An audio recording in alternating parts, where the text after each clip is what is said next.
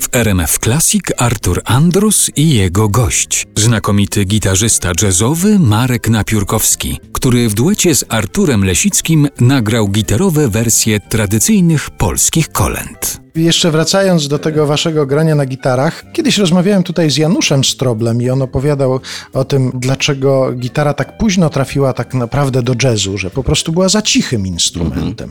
Dokładnie tak. Nie uważasz, że do kolęd jest idealnym w związku z tym? No bo jak mizerna cicha, jak cicha noc, takie rzeczy, no to to jest wymarzony instrument do, No do wiesz, kolęd. to było tak. Owszem, w latach 40. czy tam wcześniej ta gitara była za cicha, no ale jak się zaczął Big Beat w 60., to ona była najgłośniejsza zawsze.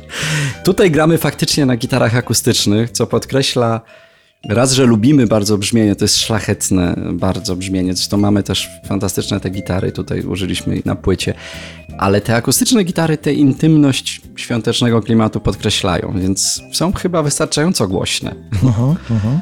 To wracając do tego, co się znalazło na tej płycie, w jaki sposób dobieraliście te utwory? To był plebiscyt jakiś? Ogłosiliście wśród znajomych? To jest the best of? Największe przeboje? Kolędowe, pastorałkowe? Nie, nie. To się zdarzyło, dokładnie wydarzyło tak samo jak w przypadku płyty Celluloid sprzed pięciu lat, kiedy już stwierdziliśmy, że siła rażenia mizernej, cichej jest tak duża, że to będą kolendy, to wtedy każdy z nas zaczął się przyglądać różnym kolendom. Artur mieszka we Wrocławiu, we Warszawie, stąd tak na odległość i teraz każdy z nas wybierał jakiś utwór tylko wtedy, kiedy miał na niego pomysł, jakiś koncept na to, by przełożyć ten utwór na nasz język muzyczny. Nie chcieliśmy zagrać po prostu tych kolęd, ale to też nie jest płyta wydziwiona. Jeden aspekt, bądź ktoś miał silne emocjonalne skojarzenie z utworem. Ja na przykład taki tutaj z jednym miałem, mogę się przyznać bez bicia zaraz. To wtedy braliśmy go na warsztat. Artur coś przygotował, ja coś przygotowałem, spotykaliśmy się i uwspólnialiśmy tę naszą muzyczną wizję wtedy.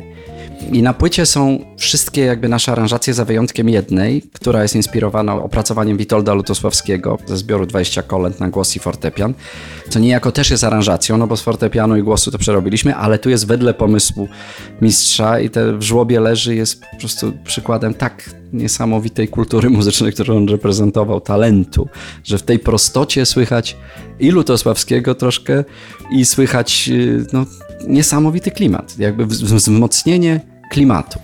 No to może wykorzystajmy okazję, że jesteśmy przy tym utworze. Ja o te inspiracje też chciałem zapytać, ale skoro już teraz o tym rozmawiamy, no to po prostu pozwólmy słuchaczom posłuchać tego utworu i proszę posłuchać, jak coś, co jest zainspirowane aranżacją Witolda Lutosławskiego, teraz brzmi w interpretacji Marka Napiórkowskiego i Artura Lesickiego.